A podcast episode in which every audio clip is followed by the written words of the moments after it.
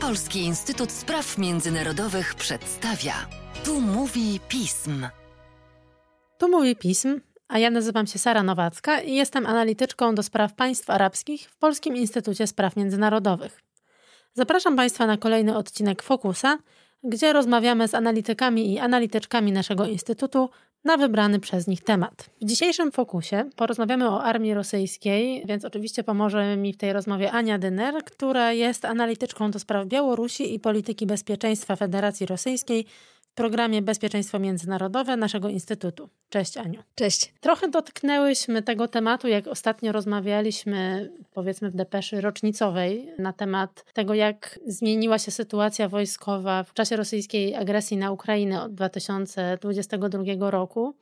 Ale myślę, że to jest na tyle istotny temat, że warto do niego wrócić, szczególnie, że jutro porozmawiamy we wtorek wyjdzie Twój dosyć długi tekst na temat reform wojskowych w Rosji. No i na początek, właśnie tak na poziomie dosyć ogólnym, chciałam Cię zapytać, bo tuż po początku tej pełnoskalowej rosyjskiej agresji na Ukrainę pojawił się dosyć duży optymizm po stronie zachodniej, ze względu na to, jak dużo porażek w zasadzie na wielu poziomach odnosiła Rosja. Na poziomie takim personalnym, w sensie morale swoich wojsk, na poziomie logistycznym, na poziomie sprzętowym. To się jednak w pewnym sensie zmieniło przez ten ostatni rok nie zobaczyliśmy przełomu po stronie ukraińskiej, którego chyba wiele osób się spodziewało.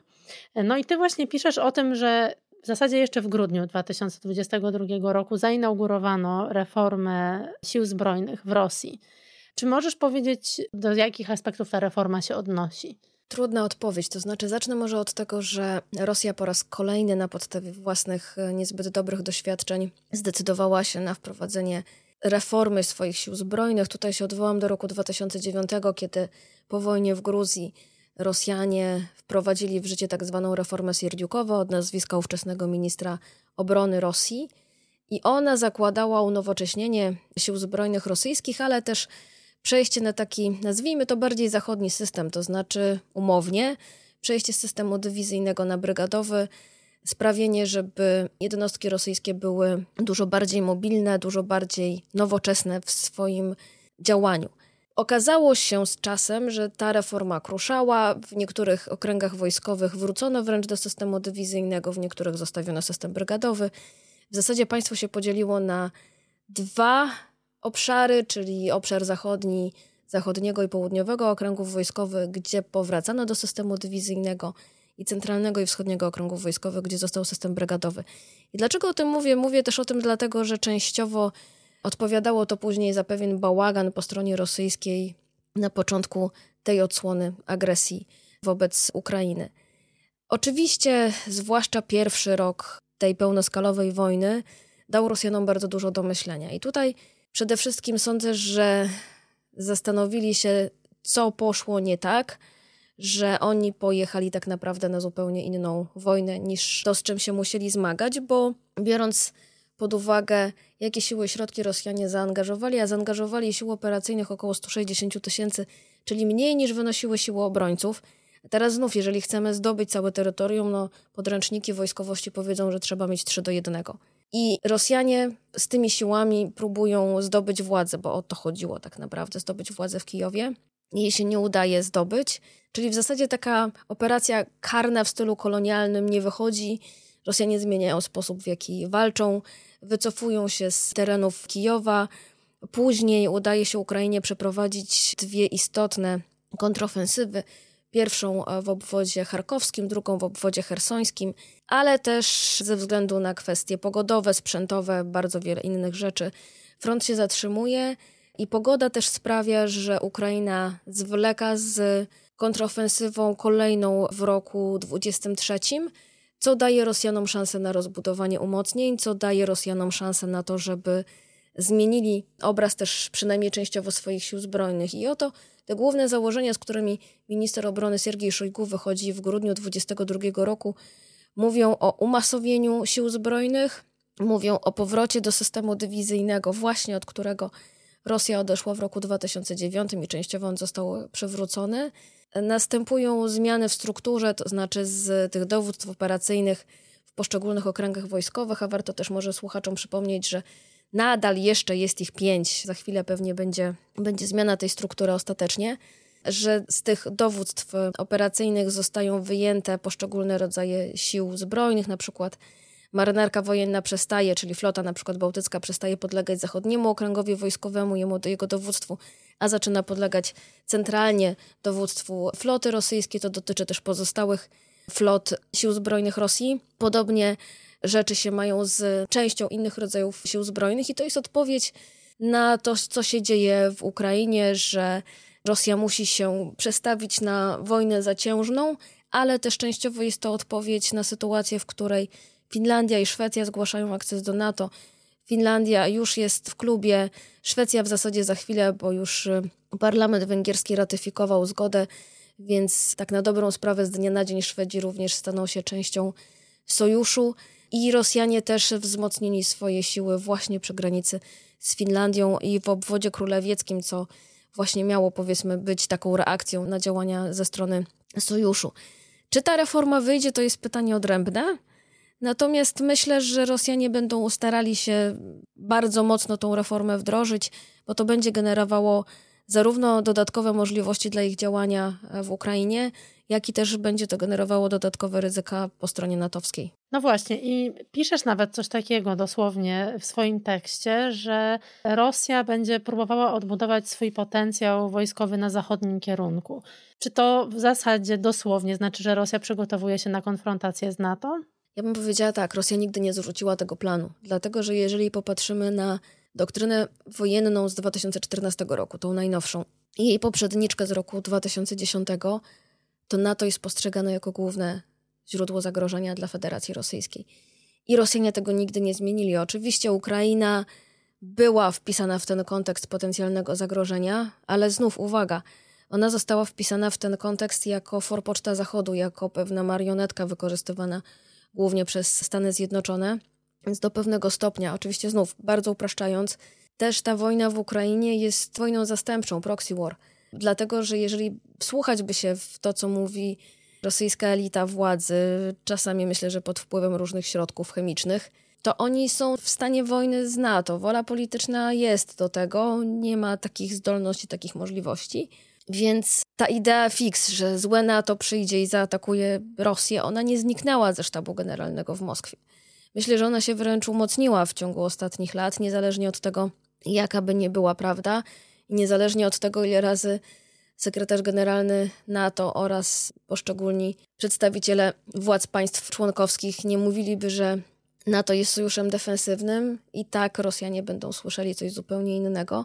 Stąd też oczywistym jest, że oni muszą być gotowi na to wyimaginowane w zasadzie zagrożenie, i stąd też oni będą znów wzmacniać to, co zostanie z rozformowanego zachodniego okręgu wojskowego, bo właśnie w ramach tej reformy Szojgu, od której zaczęłyśmy, zachodni okręg wojskowy ma zniknąć, ma być przywrócony okręg moskiewski i okręg leningradzki. Tu jeszcze pytanie, jak będzie z obwodem królewieckim, ale myślę, że on będzie też funkcjonował jako oddzielny byt, tak jak było przed reformą Sierdziukowa. Tam mają stacjonować tak naprawdę najsilniejsze, najlepiej wyposażone jednostki, armię. No i znów to ma być jednak wyzwanie rzucone w stronę państw na to, żeby my to czytali jako pewien sygnał polityczny, że niezależnie od zaangażowania rosyjskiego w Ukrainie, oni nie odpuścili tego zachodniego kierunku strategicznego. Drugim aspektem, a w zasadzie drugim i trzecim, tego, co Rosja zmienia, czy poczuła, że musi zmienić w swojej armii, no to będzie z jednej strony sprzęt, a z drugiej też zasoby ludzkie, że tak może nie najładniej to ujmę. Jeszcze w lutym 2022 roku, czy po lutym 2022 roku, mówiło się, że w zasadzie tylko 16% sprzętu rosyjskiego to jest sprzęt nowoczesny. To się już zdążyło zmienić przez te dwa lata i czy Rosja robi coś, żeby, albo w zasadzie co robi Rosja, żeby ten swój sprzęt teraz unowocześnić? To jest w ogóle ciekawe zagadnienie, dlatego że wraz z tą opisaną przeze mnie wcześniej reformą Sierdziukowa wszedł bardzo duży plan przezbrojenia rosyjskiej armii. On się udał w wielu aspektach, w innych nie. Nawet jeżeli chodzi o wojska strategiczne, Rosjanom nie udało się wprowadzić nowej ciężkiej rakiety międzykontynentalnej. Ona dopiero być może będzie wchodziła w, w tym roku do służby. Natomiast to właśnie pytanie, co zdefiniujemy pod kątem zmodernizowany, nowoczesny sprzęt, dlatego że minister Szojgu się chwalił tym unowocześnieniem na poziomie 70-80% w zależności od rodzaju sił zbrojnych, a w wojskach strategicznych nawet mniej więcej dochodziło to do 100%, co z rzeczywistością nie miało zbyt dużo wspólnego, ale znów na przykład systemy nowoczesne, teraz mogę podać przykład czołgu, system teoretycznie zbudowany od nowa, czyli czołgu T-14 Armata na zupełnie nowej platformie, z zupełnie nową wieżą bezzałogową. On miał tyle problemów, że w zasadzie ten czołg do tej pory nie wszedł do produkcji seryjnej. Natomiast Rosjanie co zrobili? Ano, spory zasób czołgów z rodziny T-72B zaczęli modernizować do różnych wersji modernizacyjnych. No i prawdopodobnie to już liczyli jako nowoczesny sprzęt.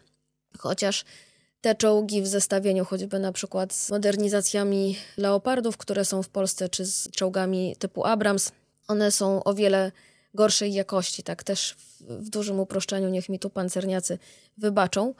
I to pokazuje, że to było takie trochę chcieństwo ze strony Rosji, żeby pokazać, że mają dużo tego nowoczesnego sprzętu, co nie znaczy, że nie mieli go zupełnie, bo też mieli ten nowoczesny sprzęt. I obecnie starają się nadal produkować i modernizować te zasoby, które mają. Oczywiście bardzo dużym wyzwaniem dla przemysłu są też bieżące remonty tego sprzętu, który jest wykorzystywany w Ukrainie, który tam się zużywa, uszkadza.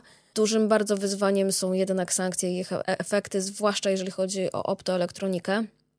I nawet jeżeli popatrzymy na zestawienie The Military Balance, które pokazuje, choćby znów wrócę do tego czołgu podstawowego, czym Rosjanie dysponowali rok temu, a czym dysponują teraz. Oczywiście to jest uproszczenie, bo to jest na parę, parę miesięcy do tyłu. To widzimy wyraźnie, że Rosja wyjęła z, ze swoich zasobów magazynowych starsze typy czołgów, które były produkowane w latach 50. i 60. No i oczywiście ten czołg e, jest o wiele gorszym aniżeli nowoczesne zachodnie, no ale też niestety swoją rolę spełnia jako środek bojowy, środek walki na teatrze działań w Ukrainie. I na razie szacuje się też, biorąc pod uwagę produkcję rakietową, biorąc pod uwagę te zasoby, którymi Rosja posiadała w momencie rozpoczęcia tej pełnoskalowej agresji, że jeszcze na 2-3 lata Rosjanom chudo-biedno, ale powinno wystarczyć tych własnych zasobów e, i zasobów, które też sprowadzają z państw zaprzyjaźnionych, takich jak Iran, Korea Północna czy Białoruś, do tego, żeby tą skalę operacji wojennej prowadzić, jaką mamy do czynienia obecnie. A jak wygląda miejsce tej e, militarnej produkcji w gospodarce rosyjskiej? No bo też mówi się, że w zasadzie w obecnej sytuacji sankcji Rosja przestawiła się, że tak powiem, na, no na właśnie taką gospodarkę opartą na produkcji zbrojnej i opartą generalnie na wojnie. Więc dla mnie bardzo ciekawe jest, jak to w ogóle wygląda w takiej sytuacji, jak powiedziałeś, no w zasadzie trudno jest też sprowadzać pewne komponenty z zagranicy, a, no a po drugie też jak długo Rosja jest w stanie w ten sposób funkcjonować, będąc no jednak państwem poddanym dosyć dużej presji zagranicznej. Czy tak, niestety problemem, który my wszyscy mamy jest to, że Rosja stara się obchodzić sankcje i na razie się jej to udaje za pośrednictwem czy to państw Kaukazu Południowego czy Azji Centralnej. I to jest olbrzymie wyzwanie zarówno dla Unii Europejskiej, jak i Stanów Zjednoczonych, żeby znajdować te dziury i żeby tak konstruować umowy z państwami, do których sprzedajemy czy technologie podwójnego zastosowania, czy różnego rodzaju sprzęt wojskowy, żeby nie mogły te państwa go odsprzedawać w żadnej formie. To jest jeden, jeden z istotnych aspektów. Rosjanie mimo wszystko mają swoje zasoby. Oczywiście znów to będzie kwestia ilości, a nie jakości. I oni będą robić te przysłowiowe swoje czołgi gorszej jakości z gorszą optoelektroniką ale tak czy inaczej no, konstruować ciągle je mogą, bo niestety z naszej perspektywy jest to państwo, które nie tylko posiada chyba całą tablicę Mendelejewa na swoim terytorium, ale też ma bardzo duże zasoby, które ciągle może wykorzystywać w tej wojnie. Jeśli chodzi o gospodarkę, no cóż, w tym roku władze zakładały wzrost PKB na poziomie 2,2-2,3%. Niezależnie analitycy mówią, że będzie o połowę mniej, to już na teraz albo nawet jeszcze mniej.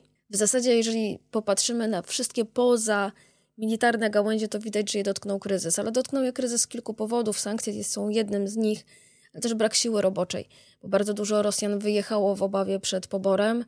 Spora część trafiła do wojska.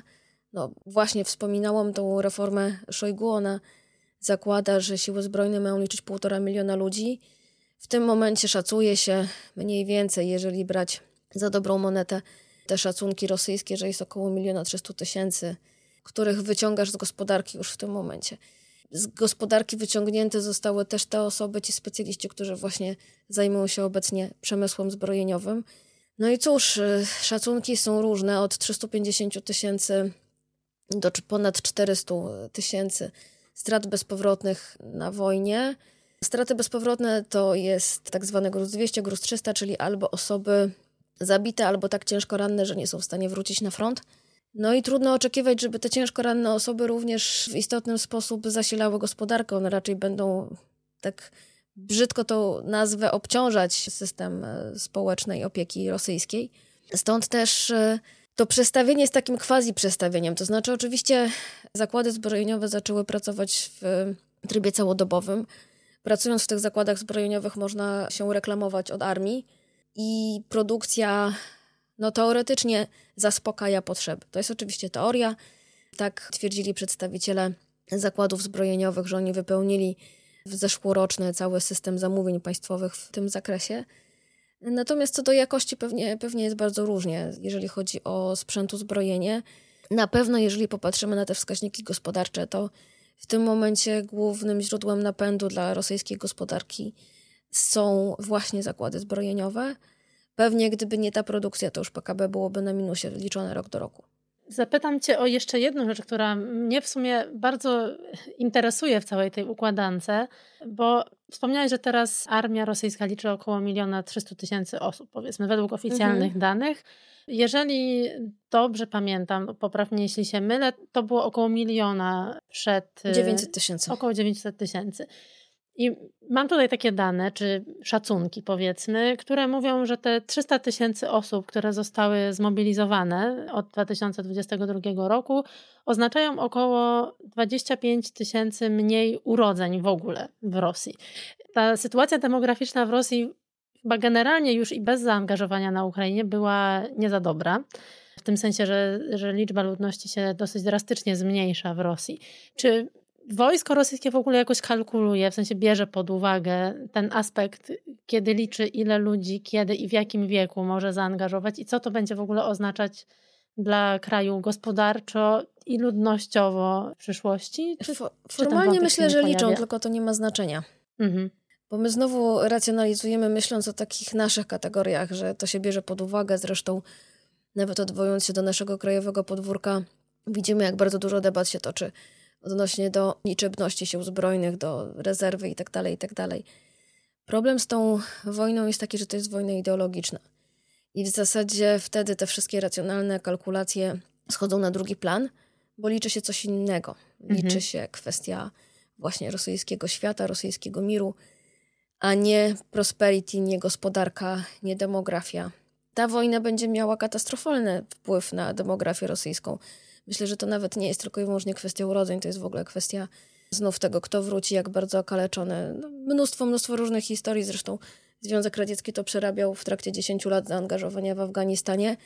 I co ciekawe, w zasadzie do tej odsłony wojny władze rosyjskie się nigdy nie decydowały na dużą operację wojskową. Nawet zaangażowanie w Syrii był to przede wszystkim komponent lotniczy.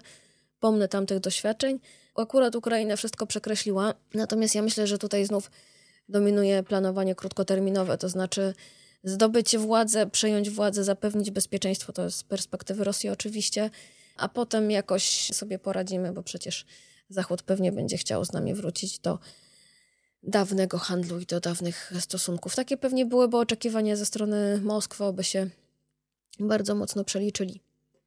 A powiedz mi jeszcze, bo kiedy ogłoszono tą dodatkową mobilizację w Rosji na początku pełnoskalowej inwazji na Ukrainę, to no, widzieliśmy ten masowy eksodus Rosjan, albo przynajmniej no, taki był obrazek dosyć powszechny Rosjan, którzy próbowali tam, gdzie się dało, gdzie była otwarta granica przed mobilizacją, uciekać. Ty piszesz, że trochę Rosja zmieniła swoją strategię rekrutowania y, przyszłych żołnierzy, właśnie żeby uniknąć jakiegoś kontrowersji społecznych, mówiąc tak upraszczając. W dużym stopniu tak, bo jednak miało takie pewne odzwierciedlenie, że to była tak duża fala mobilizacyjna. Teraz ona się odbywa po cichutku. Odbywa się z jednej strony pobór wiosenny i jesienny, z drugiej odbywa się zaciąg do armii ochotniczej I tutaj w grę wchodzą oczywiście dość wysokie gratyfikacje finansowe, zarówno dla rekruterów, jak i dla tych, którzy się do armii zaciągną. Zresztą oni też, Rosjanie, usprawnili bardzo mocno system poboru, zelektronizowali go, tak byśmy powiedzieli. I to spowodowało, że do tych sił zbrojnych napłynęło całkiem sporo oficjalnie Rosjan. Nie ma co się też oszukiwać, że w niektórych bardzo biednych regionach to jednak ten czynnik związany z finansami jest bardzo istotny. Nawet zabezpieczenie przysłowiowej wdowy po żołnierzu też jest jakimś jednym z elementów podejmowania decyzji o tym, że człowiek idzie do armii, nawet być może świadom tego, że właśnie może stać się ładunkiem 200.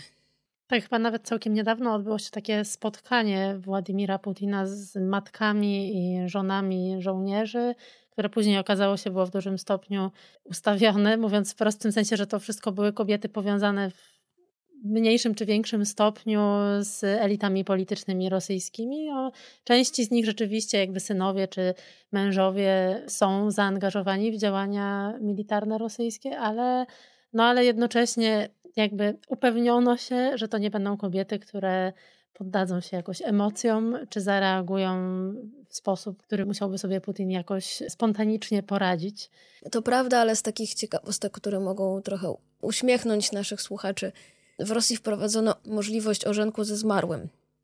Znaczy, jeżeli na przykład, nie wiem, byłaś zaręczona z żołnierzem, który pojechał na front w Ukrainie i zginął, to możesz przed sądem zawrzeć z nim związek małżeński. Co jest tyle ciekawe, że to daje dodatkowe gwarancje socjalne. Mhm. Właśnie moim zdaniem ma uciszyć, nazwijmy to konkubiny, wszystkie te kobiety, które pozostawały w związkach nieformalnych. Mhm. No tak, no i tym samym też, rozumiem, nie przysługiwałyby im w innej sytuacji Dokładnie. żadne odszkodowania, na przykład z tytułu utraty Dokładnie osoby bliskiej. Tak. Wspomniałeś o czymś bardzo istotnym, czyli o tym podłożu ideologicznym, które mam wrażenie w ogóle przyczynia się do takiej szerokiej militaryzacji społeczeństwa. I tutaj chciałabym Cię zapytać o taki wątek, też dla mnie bardzo ciekawy, o młodzież rosyjską i tego rodzaju organizacje właśnie jak Armia Młodzieżowa. I jak w ogóle zmieniło się zapatrywanie młodych ludzi na potencjalną konfrontację z Zachodem, na przykład właśnie poprzez Ukrainę? Powiem uczciwie, że to jest w ogóle militaryzacja całego społeczeństwa i całego państwa. I ona się nie toczy od wczoraj, nie toczy się od dwóch lat, ona się toczy co najmniej od dekady, a uważam, że jeszcze dłużej, że się rozpoczęła przed działaniami na Ukrainie w 2014 roku. Po pierwsze, od sytuacji, w której zaczęto bardzo mocno gloryfikować Wielką Wojnę Ojczyźnianą, czyli ten fragment, nazwijmy to II wojny światowej, od napaści III Rzeszy na Związek Radziecki do tak zwanego Wielkiego Zwycięstwa. Słynne nieśmiertelne pułki, w których brał udział m.in. Putin, obchodzone 9 maja, kiedy Rosjanie masowo wychodzą takie przemarsze z portretami swoich przodków, którzy w trakcie tej wielkiej wojny albo zginęli, albo walczyli.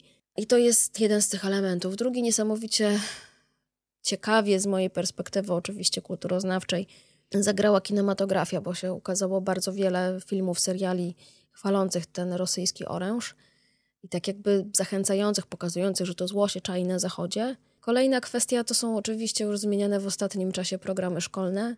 I przedszkolne też, co jest ciekawe, bo przedszkolak ma poznać kanon pieśni patriotycznych, ma obchodzić wszystkie najważniejsze święta w Rosji.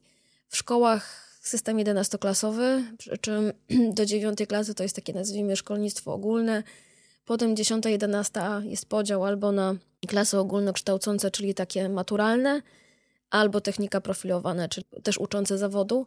W każdym razie w klasach od pierwszej do jedenastej zostały wprowadzone takie pogadanki patriotyczne, plus w klasach dziesiątej, jedenastej w zasadzie wprowadzenie do służby wojskowej, takie dawne nasze przysposobienie obronne, tylko oczywiście ze strzelaniem z broni ostrej i z udzielaniem pomocy na polu walki, plus zajęcia na uniwersytetach, plus bardzo wiele tej propagandy, która jest wszędzie, propagandy zwycięstwa, propagandy militarnej. Dla mnie to, co było niesamowite, jak się popatrzy na sondaże Centrum Lewady, porównując rok 2014 i 2023 końcówkę, jest y, całkowicie lustrzane odbicie stosunku do Ukrainy i Ukraińców. Za przyjazne w 2014 roku, czyli znów to jest początek y, wojny, uznają Ukrainę, Ukraińców 65% ankietowanych Rosjan, mniej więcej, jeśli mogę nie pamiętać dobrze 2-3%, ale to około 65%. I dokładnie na odwrót jest teraz, to znaczy 65% uważa Ukrainę i Ukraińców za zagrożenie. To też pokazuje, jak w ciągu 10 lat w zasadzie całkowicie można było zmienić nastawienie Rosjan do sąsiadów, często rodzin. I to też jest rzecz, która z takiej perspektywy socjotechniki niesamowicie Rosjanom wyszła. I myślę, że też dlatego, oczywiście też biorąc pod uwagę realia państwa autorytarnego i tak dalej, i tak dalej, ale dlatego ta tak zwana specjalna operacja wojskowa ciągle się cieszy dużym powodzeniem, niestety. Mhm. To na koniec zapytam Cię, co to oznacza dla nas, w tym sensie, że no, toczą się debaty na temat takich kwestii, jak na przykład właśnie potencjalny powrót do przymusowej służby wojskowej, czy no już oczywiście takie rzeczy jak zwiększanie produkcji zbrojnej na Zachodzie, to, to w zasadzie już nie jest nawet w ogóle tabu, tylko po prostu mam w zasadzie poczucie, że, że wszyscy rozumiemy taką konieczność. Ale właśnie na takim poziomie społecznym zastanawiam się, czy, czy widzisz, jak my też powinniśmy się zmienić, żeby lepiej rozumieć to zagrożenie, które no właśnie taka Rosja, jaką ona się stała przez te ostatnie lata, przez ostatnie 10 lat w zasadzie, jak mówisz, jakie zagrożenie stanowi dla nas? Uczciwie mówiąc, nawet można byłoby powiedzieć nie strasząc, ale że jest to zagrożenie egzystencjalne i mówię to z bólem serca, dlatego że ja cały czas uważam, że Rosja z tym swoim niesamowitym potencjałem, gdyby zmieniła swoją politykę, to mogłaby się stać jednym z najfajniejszych państw świata tak naprawdę, no ale to już zostawmy na boku, czy to jest w ogóle możliwe. I my musimy sobie zdawać sprawę, że niestety dwójka naszych sąsiadów jest państwami zdecydowanymi w stosunku do nas nieprzyjaznymi. I to trzeba brać pod uwagę w naszych myśleniu, w naszych kalkulacjach. I my tak na dobrą sprawę jako społeczeństwo musimy zacząć budować odporność na te zagrożenia, bo my oczywiście dużo mówimy o wojnie kinetycznej, czyli tej, gdzie są, która tak naprawdę jest taką pełnoskalową, ale ta wojna się już toczy wobec nas i to jest wojna w domenie cyber. Tu się odwołam oczywiście do dowódcy komponentu Wojsk Obrony Cyberprzestrzeni naszych polskich, jednych z najlepszych w świecie zresztą, który mówi wprost, to jest domena operacyjna, gdzie nie ma czasu pokoju. W najlepszym razie można to nazwać czasem kryzysu. Mamy działania w obszarze zagrożonej infrastruktury krytycznej. Mamy wojnę informacyjną i w zasadzie z tym wszystkim nam przyjdzie się mierzyć, z tym wszystkim nam przyjdzie żyć i w zasadzie jakby to jest chyba kwestia konieczności zmiany paradygmatu naszego myślenia. Ja wiem, że niektórzy nie lubią takiego sformułowania, że lepiej już było, ale niestety myślenie o kwestii obronności państwa powinno wrócić. Myślenie o znaczeniu choćby artykułu 85 naszej Konstytucji, który mówi o powszechnym obowiązku obrony Rzeczypospolitej, też powinno zacząć bardzo poważnie wracać w bardzo wielu aspektach. No bo niestety w dającej się przewidzieć przyszłości trudno oczekiwać, że Rosja zmieni swoją konfrontacyjną politykę w stosunku do państw NATO, państw wschodniej flanki, w tym Polski, która jest głównym graczem na, na wschodniej flance. I dlatego taka, taka sugestia, to znaczy, że państwo, które jest w stanie się dobrze bronić i jest w stanie to też sygnalizować, no będzie państwem, które będzie umiejętnie odstraszała. W zasadzie chyba o to nam wszystkim chodzi. Bardzo Ci dziękuję, Aniu, za przybliżenie tego, co działo się w rosyjskiej armii przez ostatnie dwa lata, a w zasadzie 10 lat. Dziękuję również. To już wszystko na dziś. Dziękuję serdecznie za wysłuchanie tego podcastu. Wyprodukowała go Natalia Radulska. Tu mówił pism.